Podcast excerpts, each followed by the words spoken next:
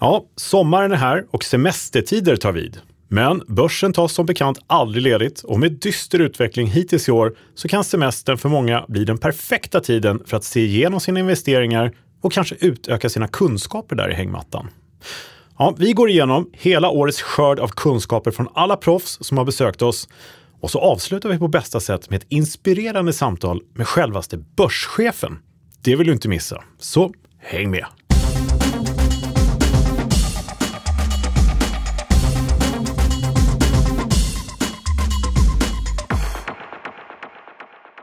Ja, välkommen tillbaka till Optionspodden. Det här är ju podden som ger dig kunskaper som ingen privat eller professionell investerare på börsen bör vara utan.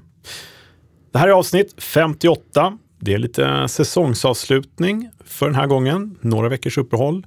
Men framför mig som vanligt tappert och ständigt trogen står ju vad heter du?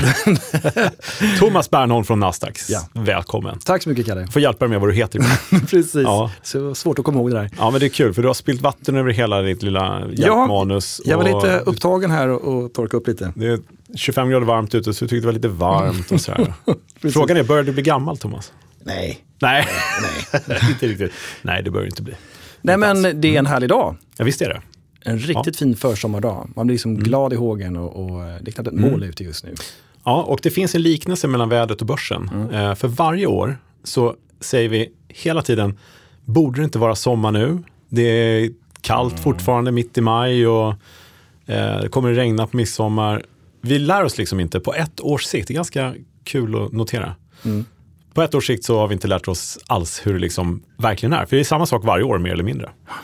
Eh, och så är det med börsen också, kan mm. jag tycka ibland. Men är det regniga dagar så vet man att förr eller senare kommer de här soliga dagarna. Och det kan man väl också dra en parallell till börsen. Mm, det är lite ordspråk redan nu, alltså. efter regn kommer solsken. Är det, det är du... lite så, ja. eller Det är ju faktiskt så. Absolut. Det är ju lite så. Sen kan det dröja lite. Ja, men så kan det vara. Men du, eh, börsen då? Eh, ja. Som vi ändå verkar på i mm. dubbel bemärkelse. Får vi säga. Mm. Eh, både på Nasdaq som kontor och eh, på aktiemarknaden. Exakt. Men du, eh, inflationen kom ut här eh, över 7 procent. Va? Det var ju, vad sa de, rekord på 30 år. Sedan 91 har det inte varit högre inflationssiffror. Mm. Och det har sett sina spår i marknaden förstås. Och boräntor och allting upp och det är lite oro och eh, ja, men lite stagflationvarning helt enkelt. Och det vill vi inte vara med om, såklart. Men det är ju därför eh, eh det finns möjligheter på börsen som vi pratar om. Optioner och terminer. Eh, som ger oss alternativ möjlighet som kanske mer än någonsin behöver nu då, när Exakt. det blir väldigt osäkert. Mm. Så. Så ja, Ja, det ligger mycket i det. Man läser ofta på sådana här chattar och annat liksom, och olika sidor hur, ja, nej men nu kommer det gå ner mycket. Alltså mm. vi går tillbaka i tiden också, går ner mycket och jag, jag avvaktar tills det ja. har gått ner till en nivå, där ska jag köpa. Och mm. Det kan ju vara trevligt som du är inne på, att agera istället. Ja. Har jag negativ marknadstro, men agera efter den och sådär. Men alla gör ju inte det. Nej. Och igår eh, så hade vi för första gången på länge ett stort seminarium som jag höll där på, i Hörsalen på Nasdaq. Mm. Kul att få se alla igen, alltså live. Det första stora efter pandemin. Exakt. Skönt att komma tillbaka till normalnivå. Skönt att någonting går tillbaka till normal i alla fall på något mm. sätt. Mm. Men då var det mycket tankar kring just det du säger. Att, mm. eh, lite hur man tänker. Mm. Eh, och aktier, optioner eller vad vi nu handlar i. Det är väldigt mycket psykologi och hur vi infinner oss liksom till verkligheten om dagarna och hur vi agerar därefter. För det är extremt viktigt förstås att eh, förhålla sig till eh, ja, men 30 minusprocent. Nu är vi inte riktigt där, men mm. en dystert eh, börsår. Hur gör vi? Mm. Sådär. hur tänker vi? Ja, speciellt om vi vill ta vara på möjligheterna. Det finns ju många mm. som är väldigt passiva och övervintrar. Mm. Men det är synd att gå miste om de här tillfällena. Ja, men det är det ju. Mm. Och eh, som vi har tjatat om, en god tradingplan, eh, god målsättning och framförallt följa sin plan. Så då har man mycket vunnit till att börja med. Just det. Och lära sig saker och ting här då. Mm. Hur det funkar med optioner och annat. Du pratar lite grann här om inflation och så vidare. Mm. Hur eh, översätts det till dina siffror, din statistik, din marknadsanalys? Ja, det, eh, menar du hur börsen ska utvecklas? Mm, lite eh, dina mm. SKEW och, och VIX. Och, ja, ja, det låter som att du vill att vi ska gå in på börsdelen här. Du har, helt rätt. Gått? Du har helt rätt. Ja, ja, men vi kanske ska göra det då. Ja. Då kör vi. Ja, Kalle, hur ser det ut då? Ska vi börja med eh, VIX i vanlig ordning eller? Vi börjar med VIX i vanlig ordning eh, och vi går direkt på VIX som eh, har hamnat på en nivå på 32,45 sist jag såg det här. Och det var alldeles nyss. Och eh, ja, det är en förhöjd risk helt klart. Påminner då om att en eh, volatilitetsnivå på VIX strax över 30 är ju ett läge där marknaden är så pass eh, turbulent och riskfylld så att man som investerare väljer att gå till andra investeringar än aktier. Ehm, för två veckor sedan så sa vi ju att eh, det fanns en återfunnen styrka i aktiemarknaden. Och eh, så har det varit några gånger under året. Det har varit lite fram och tillbaka, upp och ner, som det brukar vara när osäkerheten är mm. som störst. Sådär. Och just nu är det jättemycket osäkerhet med, ja, men som vi pratade om, inflationen och vi har Ukraina och eh, ja, allt vad det nu är. Det en massa saker. Ja, och då blir det ju hoppigt. Men nu är vi tillbaks igen i en liten ska säga, bäsmarknad. Eh, det har kommit eh, större utförsäljningar. Vi såg eh, lägstanivån faktiskt på Stockholmsbörsen i, vad var det, måndags här. Det var det ja. Ja, och eh, vid den nivån så hade då Stockholmsbörsen gått ner 27 procent på året från årsskiftet. Ja, lägsta nivån på året, mm, ja, precis. precis. Mm. Och eh, ja, men då stiger naturligtvis eh, risknivåerna, volatiliteten stiger och det är precis vad som hänt på VIX-index. Eh, tittar man på den grafen så ser man att det har gått kraftigt uppåt här från kanske 25-nivån som ändå är godtaglig. rakt upp nästan mot 35 här, men nu har den parkerat lite grann vid 32 och 45 som var senast betalt här igår. Mm. Och mm, vad ska man säga om det? Det är en sån här marknad jag tror vi får leva med ett tag, att det kommer gå upp, det kommer gå ner. Någon sa i en analys om att eh, den här bear market, eh, det är ju när det är mer än 20 procent eller vad det mäter som, mm. ner. Eh, men när man har gått mer än 30 procent, det är sällan det blir mycket, mycket mer innan det liksom börjar bli nog, ja. värderingsmässigt. Mm. Och det kan man ju tycka vad man vill om, men det kanske kan vara någon sorts teknisk eh, nivå att titta efter om man tycker det är kul. Ja, det ska väl inte underskattas heller? Nej, men sen vet man ju inte. Mm. Blir det riktigt illa så blir, alltså, och inflationen fullständigt rusar, då kan mm. det förstås bli ännu värre om ja, men priserna ökar och allting blir eh, ja, lite bittrare. Sådär. Ja, exakt. Så att tittar man på VIX just nu, förhöjd risk igen. Mm. Eh, och här finns det ju för oss tillfälligheter också. Och, eller tillfälligheter, möjlighet ska jag säga. Mm. Och göra bra affärer kanske. Men egentligen, det är väl inga extremvärden så att säga? Eller Det, det sticker inte ut fullständigt. Vi har rört oss med regioner ganska ja, mycket. Det stämmer alldeles utmärkt. Det är inte högsta på året för VIX, det är det inte. Men det är i trakterna. Är det. Ja. Så. Och sen bör man kanske påminna om också att det är väldigt naturligt. När börsen faller ja, så stiger mm. implicit volatilitet. Så att... Precis så är det. Uh, och vi behöver titta på SKEW-index också då, mm. uh, hur mycket man betalar för nedsidan. Uh, och SKEW-index har ju då sin normalnivå vid 120 och förhöjd nivå, om man säger så, man betalar extra mycket för nedsidesskydd. Man, oron stiger på riktigt, då är mm. vi 140 eller till och med upp mot 150 som vi sett då. Men nu har SKEW-index sista tiden legat kring 120 och förra gången låg den på 121 till exempel, gången innan dess 122. Och man ser på grafen att den har liksom stannat där nere vid 120. Mm.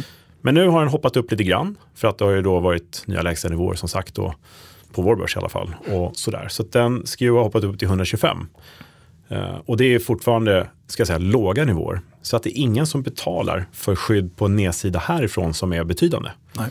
Utan det är väl som så att det ja, det är tillfällig turbulens som trycker ner marknaden eh, från dag till dag. Alla letar efter triggers. Vad ska hända?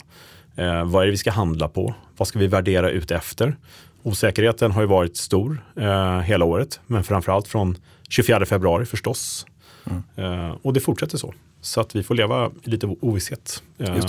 Lite extra ovisshet. Men eh, sammantaget då, lite mm. upp på VIX och lite upp på SKEW. Så att eh, kontentan blir då alltså att det är ju dyrare att, att köpa skydd såklart. Eller att köpa så är det. Generellt. Ja. ja, så är det. Mm. Ja. Uh, och uh, nu har ju, ska jag säga också, börsen har ju stagnerat lite grann här, lite stillastående. Uh, det är inte helt orörligt, men lite plus idag är det till exempel. Då. Mm.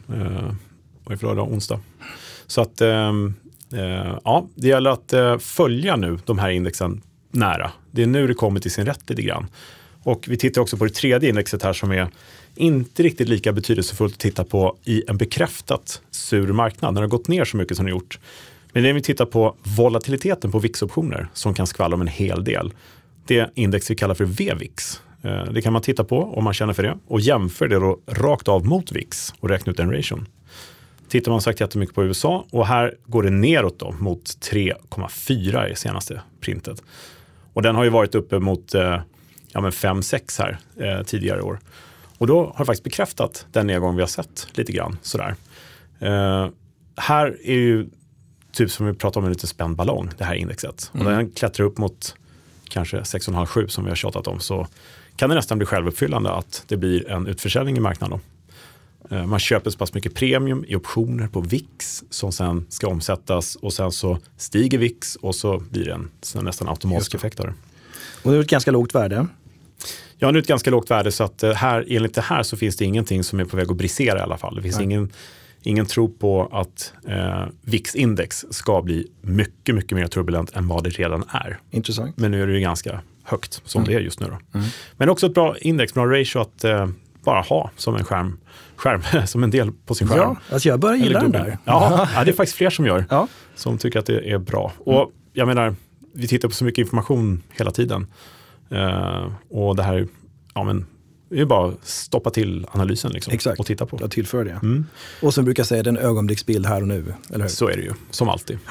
Och vi har ju eh, informationen här på optionsbloggen.se om man vill läsa lite närmare. VVIX ratio tror jag den heter, artikeln. Bra. kan man läsa lite mer. Utmärkt. Ja, och vårt eget index då, OMX S30. Ehm, ja, jag brukar lägga ut de här siffrorna på bloggen också så man kan fördjupa sig i. Men vårt eget index eh, har faktiskt lite lägre risk än övriga Europa. 24,4 procents eh, implicit vol sist jag kollade här. Eh, det var idag, den 15 juni. Så ehm, ja, det finns lite anledning att, att titta på det. Det är ganska mycket volatilitetsnivåer som har stigit överlag. Är det. Eh, sen, nu ska jag säga att det här är sen senaste tio dagarna, eller senaste veckan. Och det är inte så konstigt eftersom börsen har gått ner. Men vissa papper har stigit lite mer än andra. Eh, så att man kan gå in och titta lite grann här om man är intresserad för de bolag man är intresserad av. Drygt 24 sa du på med XS30 implicit volatilitet. Exakt. häromdagen tror jag att vi, var, vi tangerade nästan 28 va? Ja, det gjorde vi. Ja. Eh, och sen så har det tickat neråt då. Mm. Eh, Den historiska volan är nästan 30. ja, den är 29. Ja. Så att vi har en eh, negativ edge. Så marknaden tror i andra ordalag på eh, en förminskad risk kommande investeringsperiod. Så kan man säga. Fram till ja, tredje fredagen i juli i det här fallet. Okej. Bakmånaden. Bra. Så så är det om det. Lite lätt eh, uppdatering om marknaden. Eh, eh, om man vill eh, läsa lite mer så är det bara att gå in på optionsbloggen. Som sagt. Men du Thomas, vi har ju haft dessutom väldigt många fina gäster här ska jag säga, våren och vintern Mm. hos oss, eller hur? Eh, och jag tänkte ju idag, det är så pass mycket bra tips nämligen, som jag fått. Mycket bra idéer och mycket bra snack och sådär, eller hur? Jag håller med. Eh, och nu kommer det sommar och som vi har precis har sagt så är det ju lite ja, men osäkert på börsen som det i och för sig alltid är. Men inför hängmattan här så kan det vara bra och kanske lite en, ska jag kalla det för sammanfattning från våra gäster under eh, sommaren. Eller under, Under detta år bara, eller hur? Ja, För vi precis. har ju eh, väldigt många bra gäster tidigare Ja, det har också, men vi. det blir så himla många kanske att dra det. Ja, det blir ju Ja. det. Och, Men det får man också gärna lyssna på. ja, självklart. Mm. Det är bara att gå tillbaka. Ju. Verkligen. Men det blir ju lite frågeställningar samtidigt. Väldigt mycket fina frågor som kommer in och de kommer ofta från de ja, men, saker som vi har pratat om med våra gäster. Så jag tänkte vi ska gå igenom lite av de best of the best så att säga. Så man kan få med sig lite grann och kanske få inspiration att gå tillbaka och lyssna på respektive avsnitt också om man vill. Ja. Eh, för att Det var det man du lite... tänkte på när du sa det här med hängmattan. Och... Ja, precis. Eh, Ja, inte bara det faktiskt. Det kan vi göra massa annat också. Det finns ju optionskurs.nu och annat som man kan sälja på folk här. Men du, sen har vi även haft eh, kanske, ja, vågar nog säga det mest dignitanta, digniteten, vad heter det? Gästen. Tycker du mest prominent här kanske? Prominenta gästen. I självaste börschefen faktiskt som vi fick möjlighet att snacka med. Ja, Så det du kan vi ju... nämnde det inledningsvis. Ja. Men den intervjun släpper vi sist här va? Ja, det Idag. gör vi ju. Så det kommer här. Men det var ju väldigt intressant samtal. Verkligen. Så det kommer. Men du, ska vi ta en liten eh, wrap-up på vad vi har fått för goda tips under året här? Ja. Då gör vi det. Ja du Thomas, jag kallar ju då huvudtemat för dagen inför sommaren 2022 TBT. Är det Thomas Spernholm Thomas? Eller vad betyder TBT? Ja, det var bra att du inte skrev TBE i alla fall. För det, ja, det är ju inget bra alls. Nej, men inför sommaren så turn back time till eh, starten av det här året och våra fina kära gäster förstås. Och eh, börjar vi då, vi började faktiskt året med att prata om högre avkastning till lägre risk, vilket nästan är det låter trevligt. Ja, det är lite tanken med optionshandeln faktiskt, för det är faktiskt verkligen det vi kan uppnå. Eh, lite sådär. Och då pratade vi bland annat om att vi kan, eh, som folk gjort mycket nu, du byter ditt aktieinnehav mot en köpt köpoption, en köpt call. Ja.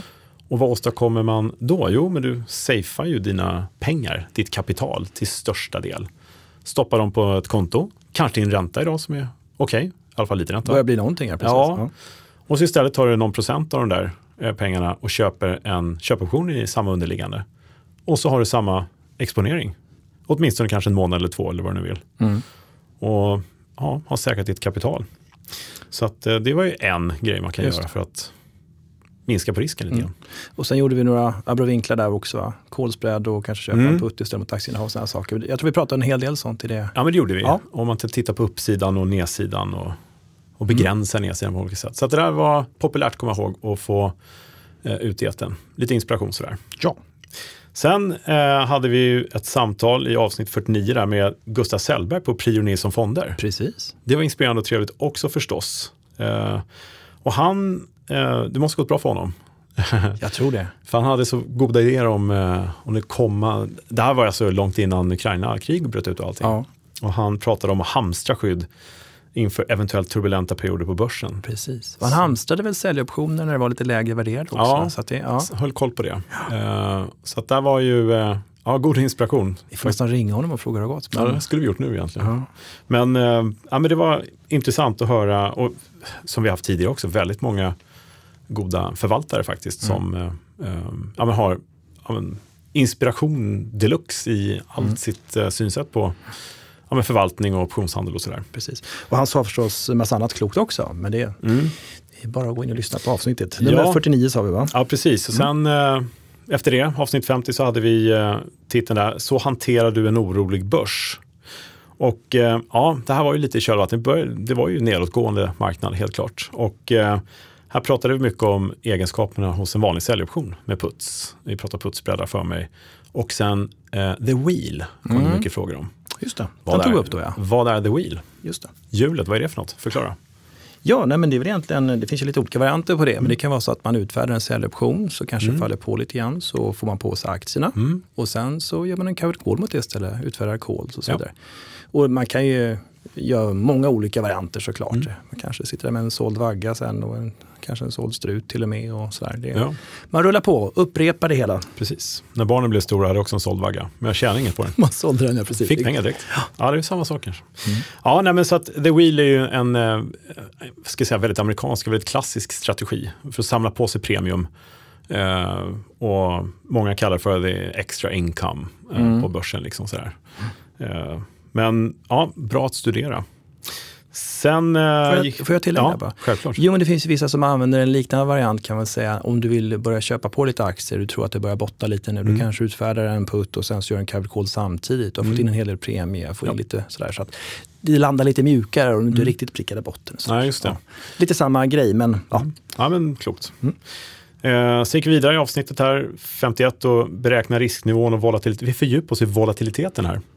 Eh, och, eh, var det då du pratade om regel 16? Yes, ja. jag tror att det var då. Mm, det var intressant. Ja, och det blir lite, mycket av det här är ju förstås lite nörderi och sådär, men förmedlandet av det hela brukar ju vara att det behöver inte bli så svårt, det behöver inte bli matematiskt, utan egentligen handlar det bara om psykologi, hur folk tycker och tänker och hur du kan räkna på det hela. Mm. Eh, och regel 16 är ju bara hur du kan identifiera den dagliga eh, teoretiskt sannolika rörelsen mm på är ett underliggande index eller vad det är. Mm. Nörderi, var, var det ett tråkigt avsnitt där? Eller? Ja, men eh, jag har ju fått en annan sån här, ja men det är otroligt kul och intressant, spännande att höra, alltid goda trevliga kommentarer, men, men... jag hänger inte riktigt med alltid. Nej, okay. Nej. Nej, men då kanske vi kan tipsa om man har svårt att somna en sommarkväll också. Ah. Slår du på den här. ja visst, ja. läs optionsbloggen. Precis. Helps you sleep better. Ja. Uh, nej, men, så det, men det kom många kloka, bra och glada frågor faktiskt om uh, ja, både regel 16 men också lite extra frågor om SKU och det här som vi pratar om varje avsnitt. Mm. Och det var väl klokt att göra det. Vi pratar om det, marknadsanalysen varje gång här. Så en ja. liten extra uppdatering om hur vi tänker. Sådär. Sen hade vi en eminent gäst, också en prominent gäst. Eh, eller vad säger man? En Ja, och du, tro, ja, och du kallar honom till och med tradingveteran tror jag. Just det. Ja. Erik Einert från Svensk värdepappersmarknad numera. Ja. Men han har varit med länge eh, och när jag satt på OM en gång då satt ju han på, alltså småningom enskilda och sen var det så småningom Carnegie, fast det var långt senare. Men han har ju varit Sen med länge. Swedbank. Ja, tradingchef. Just. Otroligt eh, eh, kunnig och väldigt eh, eh, klok på många sätt när det gäller aktiemarknaden. Den måste man lyssna på också. Avsnitt Ja. 52. Sen tycker jag att hans marknadsprediktioner, man ska Mm. säga, var, var väldigt eh, Ja. eh, klockren också. Precis, kom till sin rätt direkt. Han sa någonting i stil med att Det är, eh, det är inte diskuterat där med Nej. inflation och ränta ännu. Utan det kommer bli komma- värre. Ja, Liksom. det kommer bli värre. Ja. Ja. och det Och- kanske många tänkte och trodde då också, men eh, Han hade väldigt rätt. han hade bra sätt att uttrycka på det. Mm. Så att, har man inte lyssnat på Erik Einert så tycker jag man ska göra det. Mycket stark och bra inspiration där. Verkligen. Eh, och någon som förmodligen kommer tillbaka till podden också. Bland alla andra gäster får vi hoppas. Eh, vi hade också avsnitt 53 när vi pratade om optioner och utdelningar, vilket ju ja, ställer en del frågor, Mm. inte bara bland privatpersoner utan även bland många proffs. faktiskt. Eh, vad Så händer? Mm. Och där låg vi rätt i tiden också, just under utdelningstiden. Ja, det var lite med flit. eh, sådär. Det var det, det var ja. ingen slump. Nej, det var inte det. Nu blir jag imponerad, Ja, Kalle. jag vet. Det var Ja. rätt flax att det råkade vara lite utdelningar just då. Men eh, eh, det finns ju en hel, alltså strategin heter ju early exercise. Och eh, där kan man blanda ihop det väldigt mycket. När ska man lösa in en köpt amerikansk köpoption till sina underliggande aktier för att tjäna på att ta emot utdelningen? Och eh, det finns ju bara en dag på hela året när man ska göra det. Det är dagen innan eh, utdelning. Eh, och så vidare. Och det här finns ju eh, Excel-snurror och grejer som är jätteenkla att följa och det är inte så svårt faktiskt. Eh, och lyssnar man på det här avsnittet då kan man det, tycker jag. Just det. Man så behöver inte bli avskräckt om man ser rubriken där, early exercise. Det handlar inte om ett tidigt morgonträningspass, utan det, det, det, det, Det kanske gör. Ja. Nej, det gör det inte, utan det är bara att man förtidslöser en amerikansk option. Exakt. europeiska kan vi inte lösa förrän på slutdagen, fast de kan inte lösa dem då heller, fast de går till förfall. Och vad hände sen då?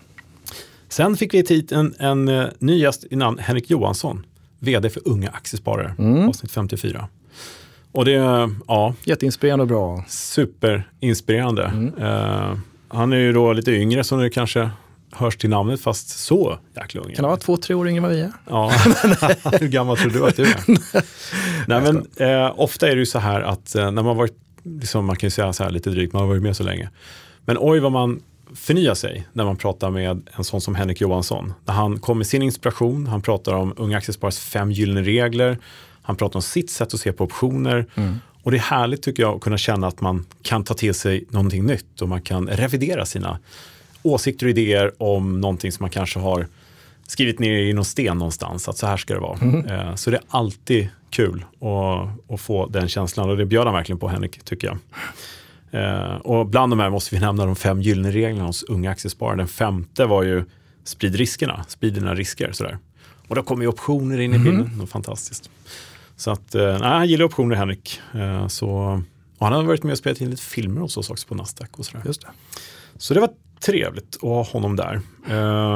Eh, och vi fick en till gäst direkt efteråt, avsnitt 55 i Lovisa Jangenstål Från SE-banken. från SE-banken. Eh, professionell market maker, ser till att eh, optionsmarknaden eh, lever helt enkelt. Hon hade koll på siffrorna. Det kan man lugnt säga. Ja. Eh, väldigt välutbildad Ja. eh, matematiskt och imponerade stort Ja, faktiskt. Nej, men superduktig. Jättekul att höra. Eh, och Och, hon är ju faktiskt också med i någon film som vi gör, optionsfilm. Ja, precis. Som vi ska snart få ut på. Ja, ja, som, som kommer. Ja. Eh, spridas Ja, vinden här. Och hon, eh, ja, men som market maker, de är verkligen eh, spindeln i nätet i, ja, men jag skulle säga, ja, självklart optionsmarknaden, men även aktiemarknaden också. För att Mm. de underliggande papper som påverkas av optioner, ja, där har du en market maker som verkligen nyckelfigur. Sådär. Och hon ställer priser hela tiden varje dag och hon beräknar sin risk. Men det är intressant hur hon berättar då det naturliga att hon tittar mest på volatilitetsnivåer. Mm. Inte så mycket på riktning eh, förstås, utan hon vill ju veta vad premien är värderad någonstans och så. Mm. Så där kan man faktiskt också som ja, privatperson lära sig väldigt mycket Oh ja. om handeln, eller hur? Oh ja. Så det är inte bara superproffssnack så, utan det är väldigt eh, lärorikt samtidigt. Mm. Så det var kul. Eh, vad gjorde vi sen? Sen har vi bara ett par avsnitt kvar som vi har haft. Vi har gjort en del ändå, måste jag säga. Men vi hade ju, eh, vad sa du? Nej, det känns så. Ja. Eh, nej men strategier för en marknad i fallande trend eh, hade vi avsnitt 56. Så det handlar ju om att eh, börsen har ju fortsatt falla på eh, under året. Ibland har det gått ner en hel del, ibland har det gått upp igen som vi inledde med att säga här. Och eh, ja, det blir ju som så att eh, eh, vad gör vi? Mm. När det liksom bara går ner och vi kanske inte hunnit göra någonting och man missar tåget. Och man är rädd för att det ska fortsätta ner och man är rädd för att missa uppgången. Men man vågar inte agera lite grann sådär. Så vi gjorde, eh, många som gillar de här fem saker att göra när marknaden fallit mer än normalt. Och då får man och då pratar vi inte om att gå och fiska? Nej, nej. nej exakt. eh, inte ligga helt i hängmattan. Ja, men det, det, är faktiskt lite tankeverksamhet, så det kan man ju fundera på. Och första två är motstå tanken. Den ena motstår tanken att sälja i panik och den andra motstår tanken att köpa i panik. Utan gör det med viss eftertänksamhet. Och uppdatera sin målsättning och trading plan som vi tjatar om här och följ planen. Med, om man gör det så håller man i sin portfölj i en god balans. Sådär, så man är liksom planerad i det man gör. Mm. Det är väl bra. Förutsatt att tradingplanen är bra också. Ja, det är klart. Man mm. får ju revidera den förstås ifall man säger nu ska jag köpa allting för, tills det mm. går upp. Men om det, Nej, exakt. Nej, men det är klart, man får, man får ju ha en eh, balanserad plan förstås som man Just. reviderar. Det ingår ju. Men skydda dina finansiella medel och det här är ju någonting där optioner kommer till sin rätt. Och se till att eh, till exempel, som många har gjort, att sälja sina innehav och köpa en kol istället. Så man fortsatt exponerad men man har tagit bort den stora risken så att säga på nedsidan. Och sen sist men inte minst i det här läget så är det nog bra att byta fokus till en något längre investeringshorisont. Mm. Och det är väl lite de ja, men gyllene reglerna här eh, Just det. som gäller lite extra när det gått ner. Ja, och det tror jag faktiskt nästa avsnitt också behandlar lite grann. Ja, och där, där hade vi eh, Alexander Gustafsson från Nordnet. Just det. Investeringscoach. Han pratade också med mm. korta perspektivet, långa perspektivet mm. och så vidare. Mycket ja. klokt där och han är ju ja. enormt eh, vad ska man säga, kunnig. Han, han, har gjort så mycket inom så breda ja. eh, områden och fält. Liksom. Ja men verkligen och eh, hur många klipp på YouTube finns det med honom där han utbildar oss i allt från teknisk analys, P-tal eller hur man väljer rätt aktie mm. eller optioner. Volatilitet har vi varit pratat med honom om och lite sådana saker. Väldigt rutinerad och otroligt pedagogisk eh, och har ju koll. Och som han själv säger i det här avsnittet, han, det är hans stora nyfikenhet som för honom framåt lite grann. Uh, och det är ju någonting som kommer återkomma till efteråt här faktiskt. Nyfikenhet just. Och vi slog ett slag för hans, eller för Nordnets optionsskola mm. också, som ja. han har drivit. Och sådär. Ja men visst, så att det var det senaste avsnittet vi hade innan det här. Och det kan vara bra att avsluta med att säga att han går ju verkligen igenom helheten genom sparande, hela börsen, aktiehandel men även då optionshandel. Mm. Såklart. Ja, såklart. Ja. kan vi tycka. Ja, mm. annars hade han inte fått komma hit. jo, det hade han kanske. Ja, kanske. Nej, det är klart han hade. Men en otroligt rutinerad eh, podd eh, mm. Eh, person också. Vi var ju nästan lite nervösa där, eller hur? Ja, faktiskt starstruck när han ja, kom hit. Verkligen. Han bara, det är tredje podden idag, skynda ja. dig på. Nej, så sa han inte. Men det fanns tredje ja. podd på den dagen. Ja, det var ju det. Det var imponerande. Ja. Precis. Eftertraktad. Nej, men det här är väl bra, bra tips till hängmattan som du säger, eller var man nu befinner sig. Mm. Och apropå eftertraktad som eh, Alexander Gustafsson var med tre poddinspelningar den dagen. Mm. Eh, vi har ju faktiskt fått tag på en extremt eftertraktad gäst till podden. Eh, mm. Självaste börschefen, Fredrik Ekström. Mm. Som, eh, vi sitter ju nära honom varje dag gör vi Ja, när fast rummet är ju enormt stort. Ja. Så det är knappt som man ser honom där borta i andra änden. Men, Nej, han är så långt bort sitter han inte, tycker du? Ja, det är 400 meter väl? Ja, men jag provade att kasta en papperslapp på honom, den nådde fram. Gjorde den. faktiskt. var därför han tackade nej. Ja, Nej då, skämt åsido. Nej men ja. visst, han sitter i samma mm. rum en bit bort bara. Så. Men han har ju varit entusiastisk till att vara med mm. och eh, verkligen försökt få till det. Mm. Uh, och det har blivit fail några gånger för han har ju väldigt mycket att stå i, självklart förstås. Verkligen. Men vi fick till det och vi fångade honom med våra mikrofoner på plats. Just det. Uh, och det blev ju lite... Ja, på fältet intervju? Ja, på fältet intervju ja. i börsens lokaler. Inte samma ljudkvalitet, men det får man leva med. Uh, Kanske desto bättre kvalitet i innehållet då? Ja, det kan ju vara det. Mm. Ska vi ta och lyssna på vad börschefen sa? Det tycker jag. Då gör vi det. Ja. Yes. Då får vi säga varmt välkommen till Fredrik Ekström, börschef på Nasdaq Stockholm. Kan man säga så? Det kan man säga. Ja. Tack så mycket. varmt välkommen. En stor ära att ha dig här. Vi vet att eh, du har eh, ont om tid, så vi är jätteglada att få ta med dig och prata lite grann med dig här, ställa lite frågor. Men eh, eh, börschefen behöver egentligen ingen närmare eh, introduktion så, men kan inte du berätta lite om dig själv och ja, din bakgrund och ditt arbete på Nasdaq? Ja, jag började på det som hette OM-gruppen eh, 1999 och då mm. började jag på clearinghuset, det vill säga den enhet i marknaden som hanterar motpartsrisken i derivathandeln. Då började jag på deras backoffice. Eh, sen jobbade jag eh, några år och så var jag faktiskt i London ett år. Eh, och tillsammans med Londonbörsen försökte då OM sätta upp en derivatmarknad i London som hette EDX London. Ja. Så jag var där ett år. Sen kom jag tillbaka och jobbade och sen lämnade jag faktiskt då eh, OMX som det hette på den tiden. Och var borta några år. Eh, jobbade på en svensk mäklarfirma som hette Neonet Securities. Mm. När jag kom tillbaka sen 2010 då hade ju Nasdaq köpt OMX och eh, så att 2010 eh, började jag på Nasdaq. Oj, ja, du har varit med ett tag på börsen här. Ja. Eh, och eh, sen blev du börschef, chef över Nasdaq. När var det? Det var i april 2020, så det var precis när covid bröt ut som jag tog över som börschef efter Lauri. Och det blev en speciell utmaning bara i det? Ja, det var lite speciellt. Eh, dels att då ta över som börschef eh, mitt i pandemin. Det var precis då vi också flyttade hem all personal. Så att vi, vi driftade hela börsen och marknaden hemifrån. Mm. Um, och det gjorde också att jag i praktiken inte träffade min or organisation på ett och ett halvt, två år. Men, men eftersom jag hade jobbat så länge på OM och Nasdaq så, så ja, underlättar ju det en del äh, att faktiskt ta över äh, precis i det. Men, men, men det, var, det var en speciell tid. Ja. Det var lärorikt. Och då väldigt många Zoom-möten blev populära också och eh, aktuella såklart. Ja, det har varit mycket Zoom.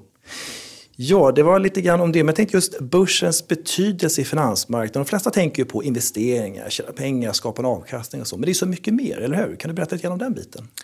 Jag tycker att börsen har en väldigt central roll i finansmarknaden. Och vi är ju mittemellan bolagen och investerarna. Och vår roll för mig är lite grann att vi ska supportera bolag med kapitalanskaffning. Vi ska stötta deras resa från litet bolag till att komma till börsen, anskaffa kapital, resa, växa, skapa jobb eh, och förhoppningsvis eh, kanske ta steget ut i världen. Mm. Men sen är ju börsen också en, som du säger, en marknadsplats för investerare och vi, vi vill ju vara en en tillgänglig marknadsplats. Vi vill vara en marknadsplats där du kan handla alla typer av produkter, lite beroende på vilken typ av investerare du är. Mm. Och vi ska verkligen vara där både för professionella investerare och för privata investerare. Och jag ser att vi är liksom en, en del av ett väldigt så här, framgångsrikt ekosystem i liksom, svensk finansmarknad. Men rollen som eh, börschef, den är ju en liten ska man säga, institution i sig i finansmarknaden här i, i Sverige eller i Stockholm. Den största utmaningen du ser, och som du antagit då, som just börschef jämfört med tidigare roller, finns det något att peka på där?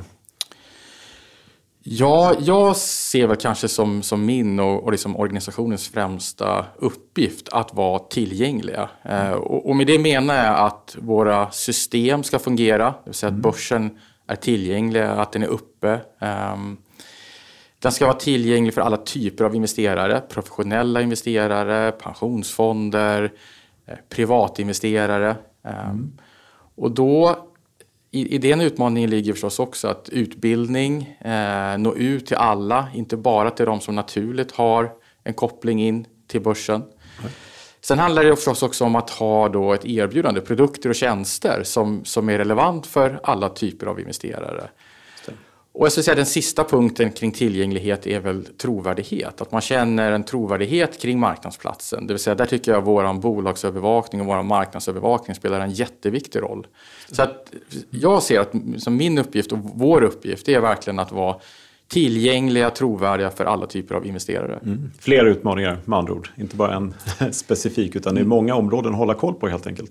Ja, och som tur var så är jag ju inte själv utan det är ett ganska stort team här och med väldigt många starka personer som, som eh, hjälper till med just de här grejerna. Mm. Ja, vi går tillbaka lite grann. Du nämnde ju clearing här inledningsvis och du jobbar mycket med det och så. Och, eh, jag tänkte fråga egentligen, alltså fördel med eh, standardiserade optioner de som vi handlar på, på börsen här, och OTC. Lite grann den frågan, men också med beaktande av clearing. Vad clearing är för någonting kanske vi ska berätta lite grann om först. Ja, jag är nu, nu är jag ju chef för, för börsen och det är liksom marknadsplatser. Det är den legala enheten eh, där man handlar. Mm. Clearinghuset, eller clearingen, det är den legala enheten som hanterar motpartsrisken. När en affär är gjord på börsen, då trillar affären ner i clearinghuset och därifrån tar sedan clearinghuset hand om affären. Man hanterar risken i affären ända tills den avvecklas. Och det kan ju vara om en eller två dagar, men det kan också vara om tre år. Eh, så det, det, är en, det är en nyckelfunktion egentligen i just handel med derivat, att man har ett clearinghus. Och den, alltså clearinghuset tar på sig risken helt enkelt. Så det finns ingen motpartsrisk i en affärssituation då helt enkelt. Nej, precis. Utan de, de hanterar den fram till avvecklingen av kontraktet. Mm. Och som vi tittar lite grann på då, standardiserade produkter. Eh, om man jämför det med OTC-produkter som alltså inte är clearade vanligtvis. Nej, och det är lite, jag tycker att det finns flera fördelar. En, en fördel med standardiserad produkt är att du som investerare vet exakt vad du investerar i. Det finns ett förutbestämt regelverk, det finns en förutbestämd kontraktsspecifikation mm. hur det här kontraktet funkar. Sen handlar ju då alla investerare i samma kontrakt. Och det skapar ju också lik likviditet så att du får mer flöden genom samma kontrakt vilket gör att när du då som investerare vill köpa eller behöver sälja så finns det en orderbok, det finns en likviditet som du kan utnyttja för att komma in eller ur en affär. Och sen vet du då att affären trillar ner i clearinghuset och så hanterar de avvecklingen. Det finns en hel del fördelar med andra ord. Clearat. Ja, det tycker jag. Ja, visst. Och, och, på tal om fördelar, vilka fördelar ser, du med just standardiserade optioner? Det vill säga derivat generellt kanske, med liksom optioner och så. Hur, vad, vad ser du som de främsta fördelarna med produkten?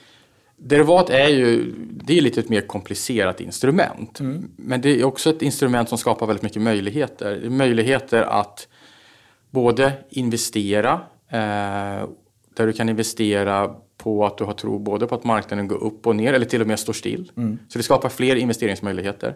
Men det skapar också möjlighet att hantera risk. Eh, menar, andra sidan på myntet av möjlighet är ju risk. Och den risken behöver ju också hanteras. Och det är en risk som hanteras både av investerare som vill kanske skydda sina positioner, sina innehav. Men det är också en risk som hanteras av företag som kanske vill låsa in eh, priset för, för, för att låna pengar eller priset för olja eller priset för transport. Så att optioner skapar verkligen eh, investeringsmöjligheter lite beroende på vad man som investerare är ute efter. Mm. När vi kommer till eh, handeln med optioner så finns det ju både alltså en grundläggande nivå och sen så kan man göra det egentligen hur avancerat som helst då, som trader eller market maker eller professionell. Eh, och att utbilda då i det här, som från börsens sida till exempel. Hur ser du på det? Hur viktigt tycker du att det kan vara att få folk att lära sig handla med optioner på ett bra sätt?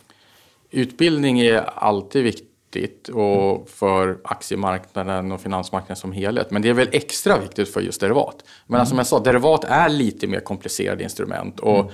att, att erbjuda möjligheter till utbildning tror jag är en viktig komponent. Mm. Och det är, det är ett ansvar som, som vi som marknadsplats har, men även då förstås våra medlemmar som erbjuder då eh, för till exempel privatinvesterare och andra att handla derivat. Att man också erbjuder möjlighet till utbildning. Jag, jag, jag, tror att det är jätteviktigt för just derivathandel. Ja, och man kan nästan se det som eh, att man nästan eh, om man utbildar då på ett bra sätt, man minskar risken i marknaden generellt sett för att folk inte gör eller använder produkter som de inte förstår sig på helt enkelt. Är det något du kan hålla med om?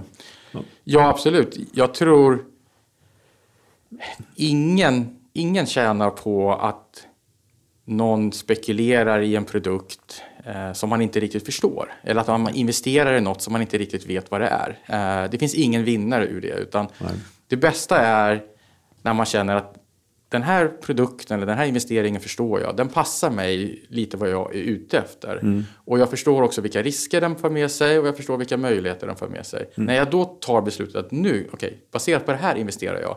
Det tror jag är liksom bästa förutsättningen för en bra utkomst. Så att, eh, nej, utbildning är jätteviktigt ja. det här. Precis, och vi försöker ju förmedla här eh, i podden bland annat att eh, optioner är någonting som alla kan använda.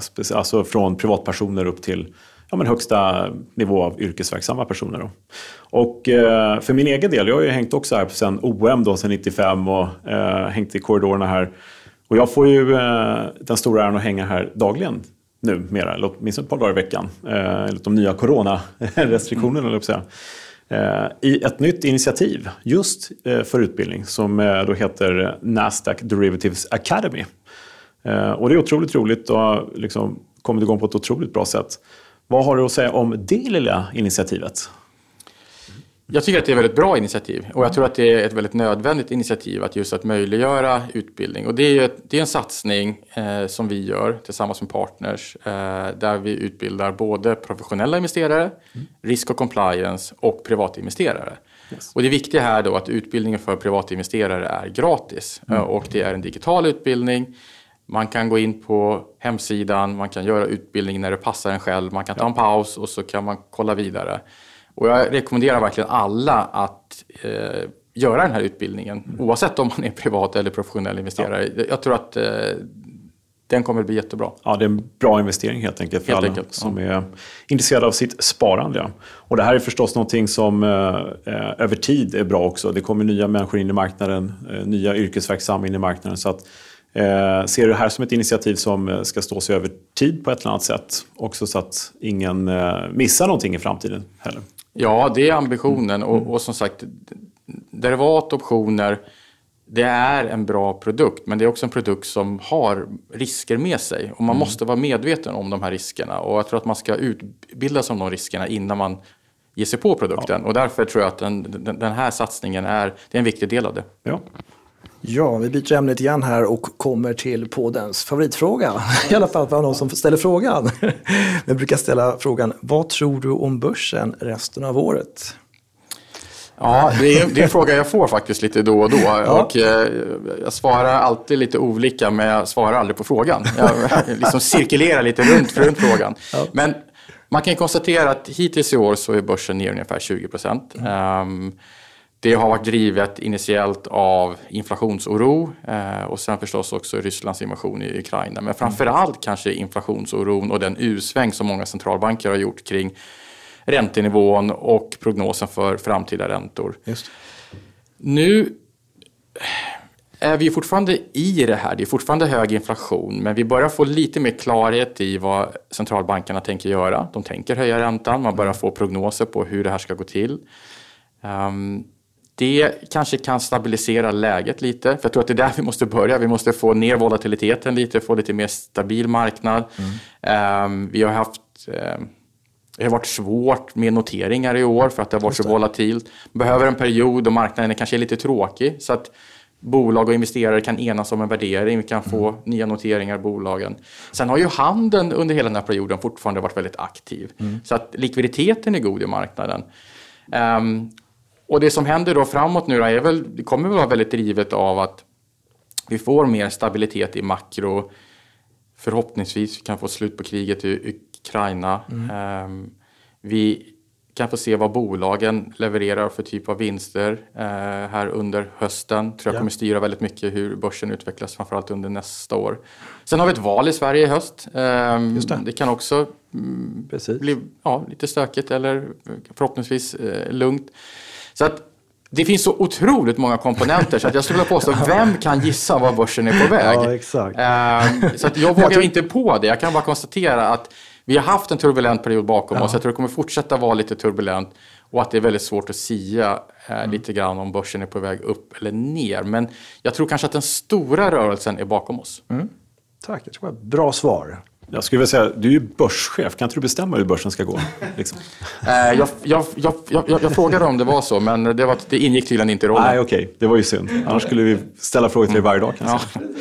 ja, nej, men, eh, jätteintressant att höra. Det är ju förstås så, det är så i podden också. Thomas kan ju inte säga någonting om eh, hur börsen går eller någonting. Utan det får ju mer jag stå för då, om det nu är någonting sånt där. Men eh, det är svårt. Ingen vet vad som händer imorgon, brukar vi också säga. Och då får vi gissa så bra som möjligt och då har vi optioner till vår stora fördel bland annat. Men lite avslutningsvis några goda visdomsord till Optionspoddens lyssnare. Här har vi många sparare som söker sig liksom till eh, ja, men många alternativa investeringar, optioner och sånt där. Och ja, för att tjäna pengar så bra som möjligt. Då. Finns det några goda råd från börschefen?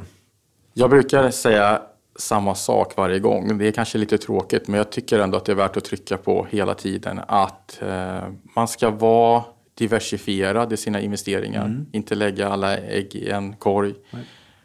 Man ska ha en viss långsiktighet på sitt sparande.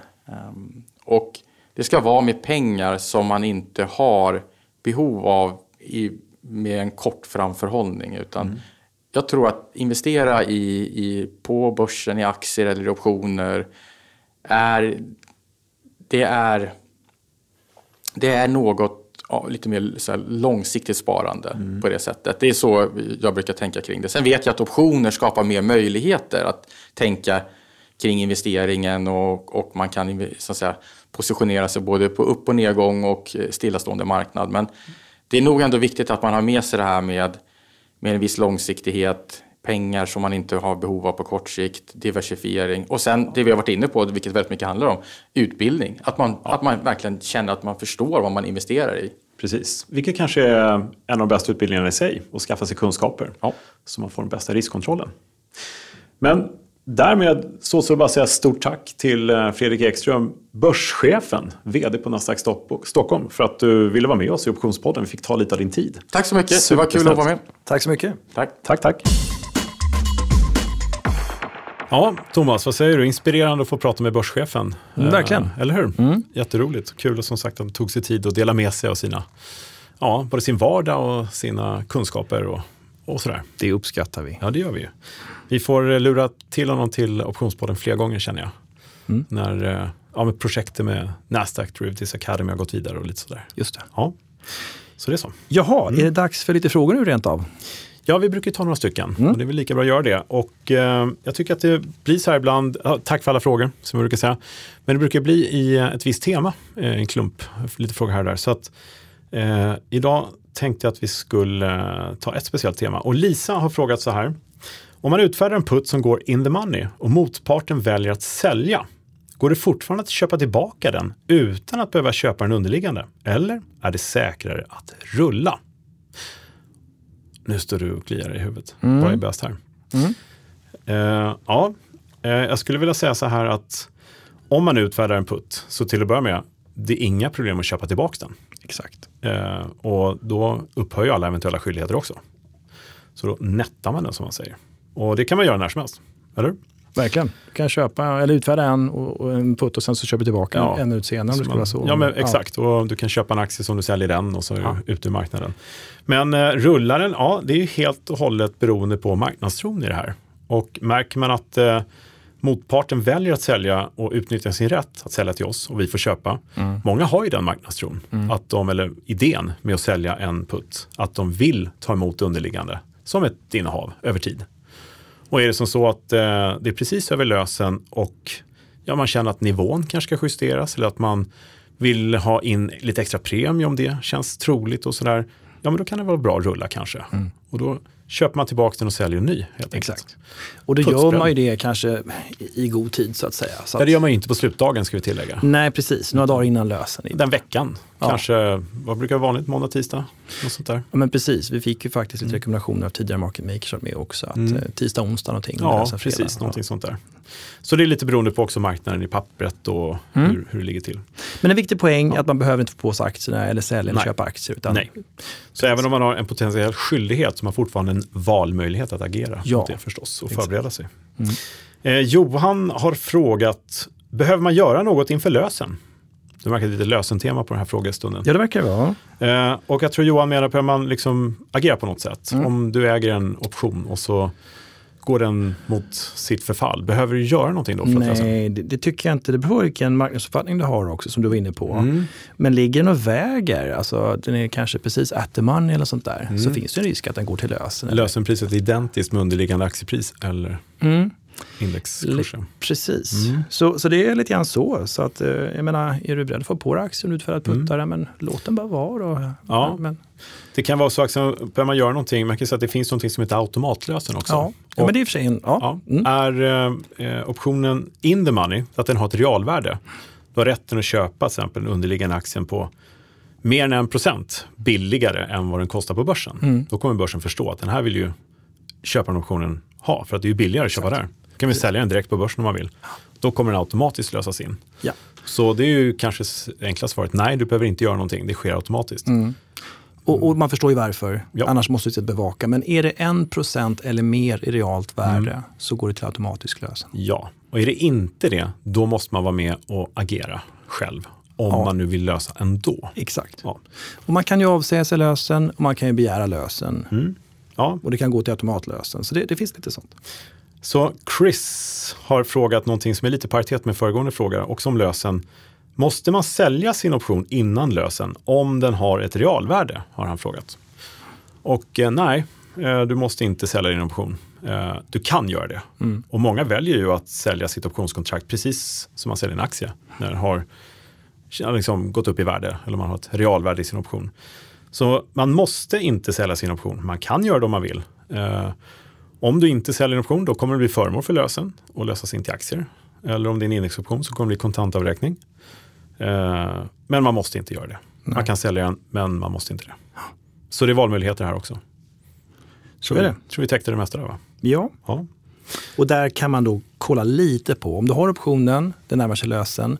Har du lite tidsvärde i optionen Mm. så kanske det är bättre att du säljer optionen än att du låter den gå till lösen. Men det är Ja. också du kanske vill ha, om du har en köp köpoption, du kanske vill ha dina aktier där. Så det, det, ja, men precis. Det är ju, ja. men räkna på det. Om du, om du säljer optionen, får lite tidsvärde, är det bättre då att, göra, att sälja den och så kanske du köper aktier direkt i marknaden, så, så gör så istället. Ja, Titta lite på det. Ja, precis. Eller hur positionen har gått under din aktie har gått. Allt är lite beroende på Mm. marknaden där då. Bra. Bra där. Eh, skicka in fler frågor till Optionspodden. Eh, det är ju så att vi har ju en, eh, en Facebookgrupp nu med lite medlemmar i som diskuterar och har sig. Där kan man ställa sina frågor och där tänkte jag vi kan ta frågor som kommer upp där direkt i podden. Så har man lite ett ställe att, att landa på. Ibland så missar jag, får ju 450 mejl i snitt per dag tror jag ut. Men det är trevligt, superbra. Fortsätt ställa frågor, vi hittar dem på ett eller annat sätt. Eh, hör du, Har- vi ska samman... Är det dags för ett ordspråk eller? Ja, jag tänkte sammanfatta med det. Är det Albert som har skickat in det nu eller? Nej, Albert. Ja, just det, det skulle kunna vara det. Det är faktiskt Anton. Okej. Ja, men eh, jag tycker det passar väldigt bra idag. Det låter så här. I have no talent, I'm only passionately curious. Och det sa just Albert Einstein. Fast det var inte han som skickade in det. Det kanske var det ett alias. Jag tror att det var Anton som skickade in det. Nej, men lite som eh, eh, Alexander Gustafsson var inne på. Att, eh, så bara, är du proffsens proffs, liksom, du kan allting. Han sa väldigt övrigt, nej men jag är väldigt nyfiken. Så att, eh, jag tror att det är en jättestor nyckel till att faktiskt bli duktig på vad som helst här i världen. Absolut. Om man är riktigt intresserad och nyfiken och intresserad på det sättet, då kan man bli hur duktig som helst. Instämmer. Så att eh, Einstein hade nog rätt också, för han var väl rätt duktig på det han gjorde. Någonting säger mig det. Ja, det känns så. Ja. Ja, hör du. Eh, att säga egentligen eh, stort tack för eh, den här lilla säsongen. Men, Kan, vi- kan vi säga så här, tack för den här terminen? Ja, det är ju lite studenttider. Jo, men jag tänkte terminen och optionen. Ja, just det det. kanske vi kan säga ändå. Den här terminen går till förfall. Ja, det är Ja. sommarförfall här. Men det är bara några veckor som eh, vi tar ledigt. Och eh, som tur är har vi så många avsnitt inspelade så alla kan gå tillbaka och repetera för sig själva. Nej, för att alla kommer ju sakna oss förstås. Eller hur? Sa han ödmjukt lite. Sakna dig kommer de göra. Nej, men vi är tillbaka i augusti och eh, är planen. Så eh, fram till dess, stort tack för ja, den här terminen. Mm. Det har varit ett sant nöje att ha fått optionen att vara med dig. Som jag, ja, Ja, nu får du till det. nu får jag till det. Ja. Ja, nej, men under tiden, under sommaren, gå in på eh, optionsbloggen.se och läs där. Optionspodden.se för tidigare avsnitt. Utbilda er på optionskurs.nu. Där ligger nu kursportalen redo. Den är helt gratis. Gå in där, det är videoklipp och grejer. Och man kan få ett diplom. Just signerat av självaste börschefen också. Och bra. där ska vi kanske repetera vad vi sa senaste gången. Just det. Går man kursen eller skriver man, eller rättare sagt man gör testet och får diplom, Mm. så är man fram till och midsommar Mm. med i en liten tävling. Så är det. Och man kan vinna en eh, större omfattande kurs En heltäckande kurs, ja. som kostar ganska mycket. ja. Och sen kan man även få ett tröstpris i form av en hoodie. Så att gå Precis. in på den här adressen Ja. och gör provet. Det Eller gå man- kursen, gör provet Ja. och få ett diplom. Man måste vara godkänd, måste man vara. Men det enda som eh, krävs är att man har diplomet. För då ser vi det och så drar vi därifrån Spännande. några glada vinnare. Just det. Så optionskurs.nu var det. Eh, ja, Facebookgruppen Optionshandel på börsen. Där ni kan ställa lite frågor, diskutera med andra. Fylla på där med lite intressen så Mm. ser vi det också. Så tycker jag vi repeterar adressen också till Nasdaq Derivatives Academy, Mm. alltså huvudadressen. Och det är alltså nasdaq.com derivatives bindestreck academy. Mm. Där finns Kalles kurs och där finns även eh, Derivatives for Professionals Mm. och Derivatives Risk and Clearing. Läs mer om dem. Då kan man verkligen fördjupa sig. Du är en riktig säljare, Thomas. Nå, nej, men det, det, finns väldigt mycket där. Jag ja. tycker vi ska sprida denna kunskap. Det är klart vi ska. Ja. Självklart ska vi göra det. Eh, optionsplay.se, mm. Twitter, mm. att se Björkegren. Ja, trevlig midsommar. Tack för nu. Mm. Tack så mycket. Eller hur? Ja. men, jättekul att få komma tillbaka i augusti. Jag ser redan fram emot det. Jag känner att du vill inte slita dig riktigt jag vill. här. Nej. Så att vi håller kvar några minuter till. Ja, här. Nej. Nej, skämt åsido. Ja. Tack. Stort tack. Tack så mycket. Ha en fin sommar. Samma. hej. hej, hej.